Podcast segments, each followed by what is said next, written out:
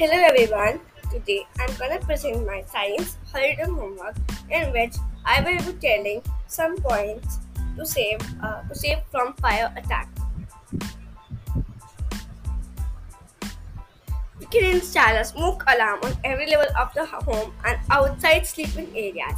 Smoke alarm should be tested every month and batteries changed annually. If we got into fire, we can stop, drop to the ground, and roll if your clothes are on fire. Families should know this technique and it should be practiced with children also.